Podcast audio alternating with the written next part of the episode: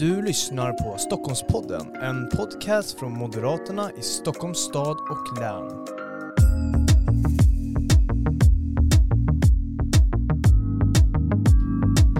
Ja, och varmt välkomna till ännu ett avsnitt av Stockholmspodden. Det här är ju en podcast från Moderaterna i Stockholms stad och län där vi pratar med våra främsta företrädare men också andra olika personer från bland annat eh, näringslivet och samhället. Men idag ska vi prata med en av våra främsta företrädare. Det är nämligen Kjell Jansson, förbundsordförande för Stockholms län och riksdagsledamot. Tidigare KSO också. Varmt välkommen hit. Tack så mycket Zacharias. Kul att vara med här. Ja, och eh, jag hörde ju här på morgonen att du hade åkt båten in från Blidö eh, i det fina vädret. Är det liksom en, en sommartradition som du har eller? Ja, det är alltid en tradition att varje, gång, varje sommar åka minst en gång in med Vaxholmsbåten hemifrån bryggan rätt in till Strömkajen. Och det är en fantastisk resa på morgonen. Vindstilla, sol och, och eh, se hela härliga skärgården. Och alla fina hus som är byggda innan strandskyddslagen kom. Fantastiskt vackra villor. Mm. Precis, jag tänker just med det här med, med skärgården. Du är ju en, en eh, skärgårdsbo, en person som älskar skärgården och eh, man kan ju säga att skärgården är lite hotad idag av ett visst gäng, eh, eller hur? Ja, vi har ju våra fiender för skärgården och det är ju framförallt Länsstyrelsen och hela regeringen och socialisterna som vill begränsa både ägande och byggnation och fiske och allting. Vi återkommer väl till allt det här mm. resonemang, men det är, det är många delar. Mm. Det är många delar, men jag tänker att innan vi går in på det så Kjell, det har ju varit här idag en historisk presskonferens från statsminister Stefan Löfven eh, där han eh, väljer att avgå och eh, inleda talmansrunder, eller låta talmannen inleda talmansrunder. Vad tror du det här kommer spela ut i?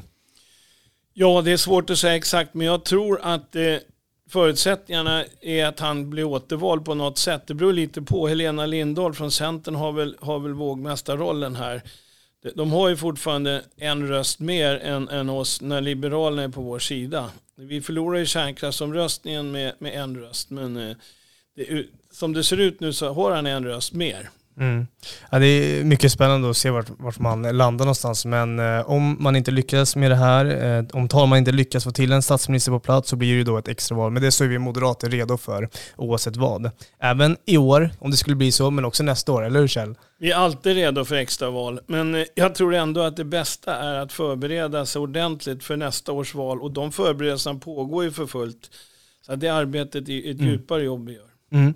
Precis Kjell, men vi ska ju prata lite allmänt om politik idag och eh, jag vet ju, jag känner ju dig ganska väl och du brukar alltid säga så här att, att det största hotet mot, mot samhället det är socialismen. Eh, vad menar du egentligen när du, när du säger så?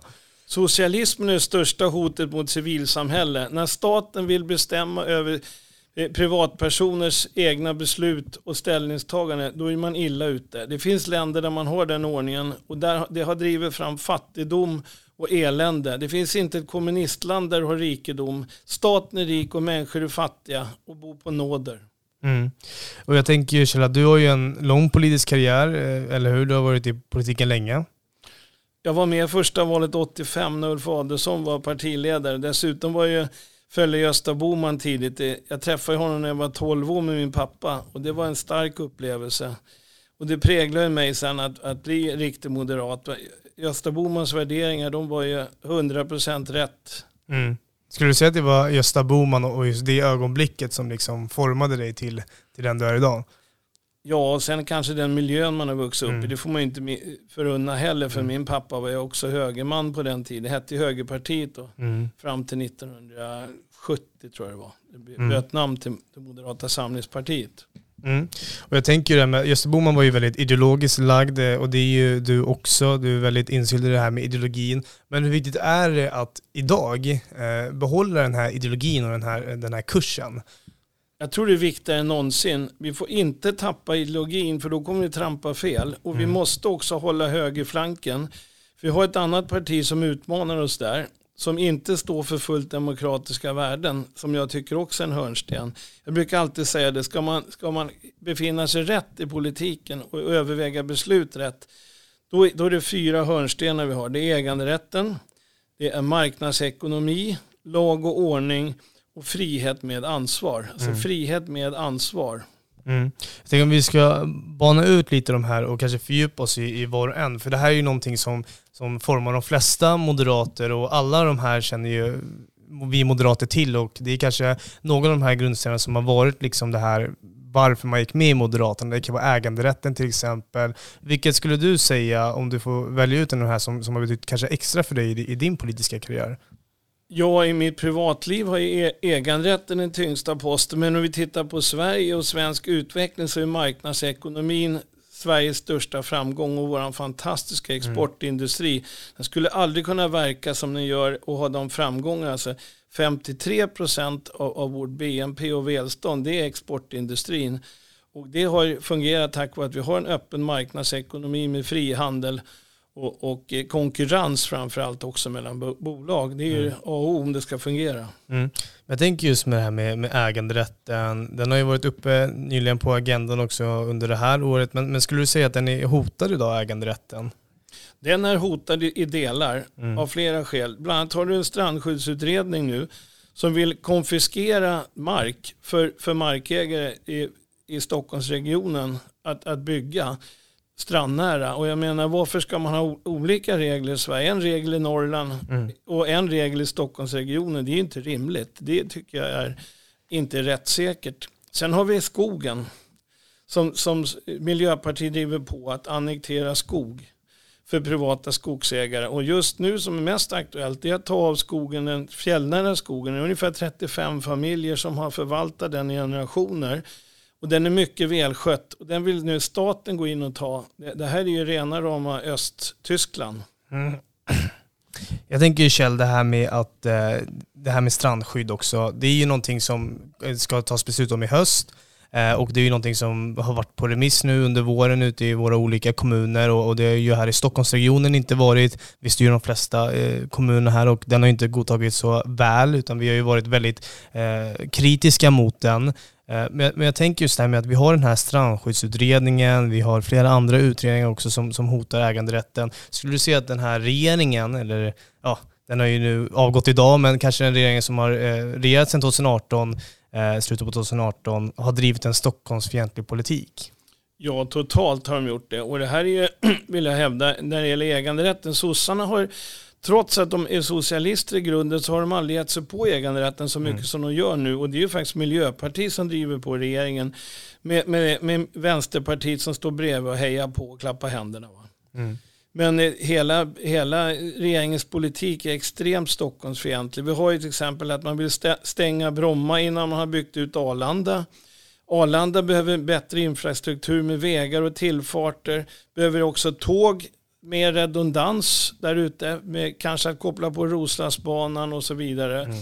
Eh, och det, allting sätter man stopp för istället för att vara tillväxtvänlig och, och se till att det fungerar. Man vill bygga höghastighetståg men man vill inte förstärka tåginfrastrukturen till Arlanda. Då kan man ju fundera, vad, vad, menar man med det? Jo, man vill att folk ska åka tåg ner till Kastrup.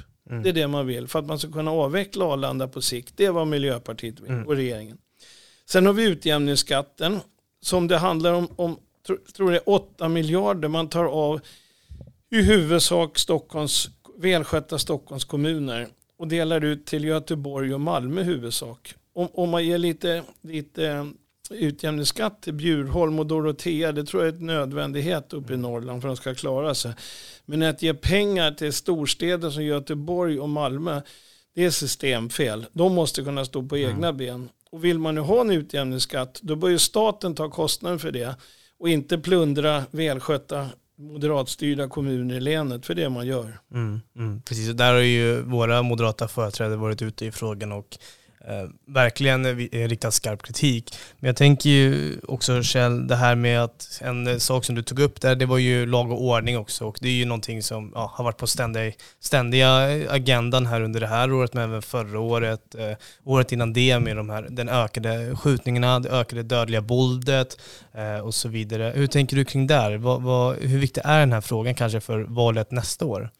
Det här är en oerhört viktig fråga. Det är en central fråga vill jag säga. Och, eh, Statsmakten måste alltid vara starkare än buset. Just nu har buset tagit över. Ge mig ett exempel. Om du åker du två piketer till Rinkeby så möts man av 150 personer som kastar sten på polisen. Eh, polisen är, är, försiktig och backar. Eh, hade det här hänt i, i, i Tyskland hade det kommit 30 piketer dit och mm. sett till att rensa upp. Eh, det behövs helt andra befogenheter till polisen att få ta i med hårdhandskarna. De, de, har, de är underlägsna och jag förstår om man är småbarnsförälder och polis att man känner sig maktlös när man kommer dit. Vi har ett andra problem också med, med brottsligheten, att det är mycket utpressning som pågår på företagare och så vidare. Och i synnerhet förut, alltså invandrare som är småföretagare är väldigt mycket utpressade av, av de här eh, syndikaten, brottssyndikaten som, som håller på. Mm. Och just det här med brott eh, mot företag har vi pratat eh, mycket om. Det är också en fråga som har stigit upp och är viktig, tycker vi moderater, eftersom vi värnar ju såklart företagare. Du är ju också gammal företagare. Eh, men jag tänker Kjell, vi går ju nu här, oavsett vad som sker med talmansrundorna, om det blir extraval eller inte, så är det ju ett val nästa år. Det är ett val 2022 och eh, hur skulle du säga, hur ska vi moderater gå in i det valet? Hur ska vi vinna det här valet? Jag tror att vi ska förbereda, eller tycker att vi ska förbereda oss väldigt noggrant. Vi ska ha färdiga, en färdig plan på vad som ska genomföras och försöka göra det ganska rationellt år ett, två och delvis år 3. Så att det är klart innan valet 2026. Vi måste också förbereda oss hur vi ska ha en regeringskonstellation och stöd av vilka partier. Och det här är en fråga som, som vi inte kan ducka för. Ska vi få majoritet i, i, riksdagen så måste vi kunna räkna till 51. Mm. Och då, som det ser ut idag, är Centern inte med längre. Och är det så, då måste vi ha stöd av SD för att klara det här. Sen får vi se vad Liberalerna tar vägen. Det ser inte så bra ut just nu. Nej, exakt. Och man kanske inte riktigt kan säga heller hur ett regeringsalternativ skulle se ut för för de borgerliga partierna så länge vi inte vet hur valresultatet heller blir. För det är ju både Miljöpartiet som eh, ligger kring under 4% också och sen har vi ju Liberalerna som också ligger under 4%. Så det är två partier då här som spelar en viktig roll i kommande regeringsbildning som vi inte vet kanske finns kvar. Eh, sådär, så man vet ju inte riktigt, eller hur? Åker Miljöpartiet i riksdagen, då ökar ju förutsättningarna fundamentalt mm. att, vi, att vi får regeringsmakten. Mm. på Miljöpartiet så har vi ju pratat tidigare i den här podden om, om just deras roll i svensk politik. De kom ju in som ett parti som brydde sig om miljön eh, förr, när kanske inte alla gör det. Nu är vi moderater, pratar väldigt mycket miljö. Vi, vi pratar till exempel också den biologiska mångfalden i havet och så vidare och på trålfiske. Vi måste värna Östersjön och fisket och så vidare som du är väldigt insatt i. Jag tänker vi ska komma tillbaka till det. Eh, men just det här med att Miljöpartiet kom in i en tid där inte något parti pratade om miljöpolitik men sen har de kommit in och fått andra partier att prata om miljöpolitik. Skulle du ändå säga att Miljöpartiet haft någon roll i, i svensk politik? Miljöpartiet är i grunden ett aktivistparti.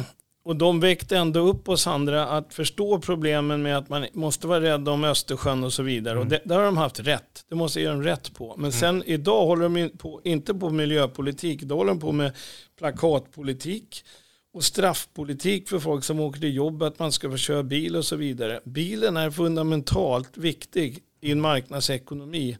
Och synnerhet här i Sverige som är ett så stort land.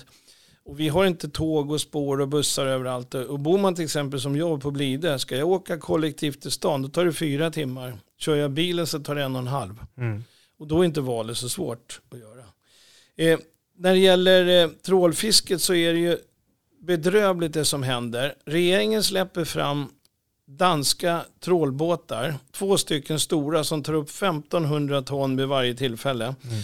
De dammsuger rent utanför svenska högarna. Och det här gör ju att, att stor del av strömmingsynglen tar dem och strömmingarna minskar med 75 procent på tio år. Torsken är i princip borta. Det här har ju, är hotfullt för hela skärgården. Ska vi ha fisk här till nästa generation då måste det bli stopp på det här. Sen måste man också återplantera fisk. Och det, det gör inte staten. De, de tog vatten 1985 så socialiserade de fisket. Att alla kan fiska på vems vatten som helst. Mm. Och, men de har inte återplanterat en enda fisk. Och det måste man ta tag i. En återplanteringsplan i samråd med vattenägarna. Och sen måste man också faktiskt, de här fredade vikarna, de måste vara fredade och det är de inte idag. Du har ju sådana här trollingbåtar som åker ut på våren och dammsuger de här mm. vikarna och det, det är som att få, det är ju inte klokt när fisken leker som man där och tar den. Det är liksom som att fånga små barn. Mm det här är ju verkligen en fråga som, som engagerar och framförallt ni som, som ser här också som, som bor eh, ute på Blidö. Och det är ju viktigt för Moderaterna att ha en politik som också tar upp de här små frågorna, eller hur? För det är ju de här lokala frågorna som engagerar och jag tänker att vi ska komma in lite på din tid som Eh, kommunalråd och KSO också uppe i Norrtälje. Det här med de lokala frågorna, hur mycket spelar det egentligen roll? För vi har ju dels den nationella nivån som vi ska vinna och där är det mycket övergripande nationella frågor såklart. Sen har vi ju regionvalet, men den här eh, kommunala nivån, här är ju också ett val. Eh, och här bedrivs ju politiken av de lokala frågorna. Men, men hur viktigt är det att man har svar på de lokala frågorna och verkligen lokalisera sig, kanske man ska säga, ett påhittat ord som kommunalråd? Är du kommunstyrelseordförande i våra länskommuner så är det lokala engagemanget väldigt viktigt för om det ska få framgång. Och det ser vi i de kommuner vi har det. Där går det jättebra. Eh, under mina år hade jag ett enormt engagemang, ibland kanske för mycket, men, men eh, jag såg i alla fall till att mycket blev gjort och, och, och så vidare. Och, och, eh, bland annat så skulle vi ha en, en förbifart, en väg man hade hållit på utrett i 66 år. Den fick jag på plats i alla fall 2010, så det mm. kändes ju bra. Första dagen på jobbet då eller? Nej, det var det verkligen inte. Det var en långtidsjobb. Eller ja. 2014 förresten invigde vi den. Så var det på, ja. på nationaldagen. Mm. Men det här med, med, lokala frågorna, hur avgörande är de i ett, i ett val också för, för det lokala valet, eh, kommunvalet? För man kanske inte, tänker jag, om vi bara ska spåna i tankarna lite att eh, om man är en eh, lokal medborgare så är ju de här frågorna som stadsbyggnadsfrågor, eh, kollektivtrafik, det är skolor och så vidare, det som ligger på den kommunala eh, nivån som spelar mest roll och kan verkligen avgöra ett val, eller hur? Jag hade alltid ett, ordspråk som sa verka den miljö du är. Du kan inte härma någon som är i en annan kommun och Eh, lokala frågor är jätteviktigt. Vissa kommuner är det positivt att bygga. Mm. Nacka till exempel och, och sådana kommuner, kanske Solna. Men i andra kommuner så är det inte så positivt. Man måste ändå överväga det mm. om man vill vinna val. Mm. För det har varit en fråga där vi i flera kommuner har tappat ganska mycket väljare de sista tre valen på de mm. frågorna. Så det gäller att balansera rätt. Men att mm. sluta bygga helt, det vill jag också varna för. För då tappar man invånare på sikt. Mm. Precis, och vi måste ju fortsätta dels eh, regionmässigt men också lokalt att växa. För, för det blir ju fler människor, det ska man ju inte glömma. Och då måste ju också en stad eller en kommun eh, växa i den takt också. Man kan ju inte växa som ett bostadsområde brukar man ju säga. Sen gäller det väl att bygga rätt i den miljö man är. Man kanske inte ska bygga stora get, eller getton ska säga, med stora, stora hyresfastigheter med bara, bara eh, hyreslägenheter utan kanske balansera det här med med, med snygg bebyggelse ja. och, och ganska mycket bostadsrätter. För i grunden så tycker vi moderater att man ska äga sitt boende. Sen kanske mm. man inte kan göra det när man är så ung som dig Zacharias, mm. Äga en lägenhet på en gång. Men man startar ofta att bo i en hyresrätt och sen utvecklar man det genom åren och, och kanske mm. köper ett boende och så vidare. Mm. mm. Exakt. Du Kjell, eh, vi börjar gå för landning för det här avsnittet. Men det är ju så här att det är ju sommartider nu. Eh, och jag tänker ju så här att de som flesta som lyssnar på det här, de är ju kanske på sommarlov eller på sommarsemester, på ledighet och så vidare från sina jobb och så. Så jag tänker ju att du ska få ge några eh, sommartips här liksom. Hur tänker du? Hur ska du spendera din sommar? Jag kommer ju vara hemma eh, till stor del och vara ute i skärgården. Jag har ju förmånen att både bo i skärgården och ha ett, och ha ett hus lite längre ut. Så jag kommer tillbringa stor del där. En och annan golfrunda. Men jag tänker så här att eh, försök eh, ha en en givande semester allihop och, och vara med era familjer eller nära vänner och, och njuta livet och, och, tänk på hur fint land vi har. Sverige är ett fantastiskt land. Och mm. Det är otroligt fint. Så att, tänk på det och, och försök vila och ha det bra. Och sen så alla som är politiskt aktiva i partiet nästa sommar blir kortare sommar. Då får vi lite ledighet men inte som i år utan nu blir det längre sommar och jag tror att eh, njuta livet och ha det gott. Mm. Kanske en köttbit och uh, lite sånt. Lite grill och sill. Lite grill och sill. Du Kjell, stort tack för att du kom till Stockholmspodden. Eh, nu ska du iväg på en debatt, så vi önskar dig lycka till och såklart så önskar vi er som lyssnat en fortsatt fin sommar. Tack själv och tack till dig som lyssnat. Tack och trevlig sommar alla.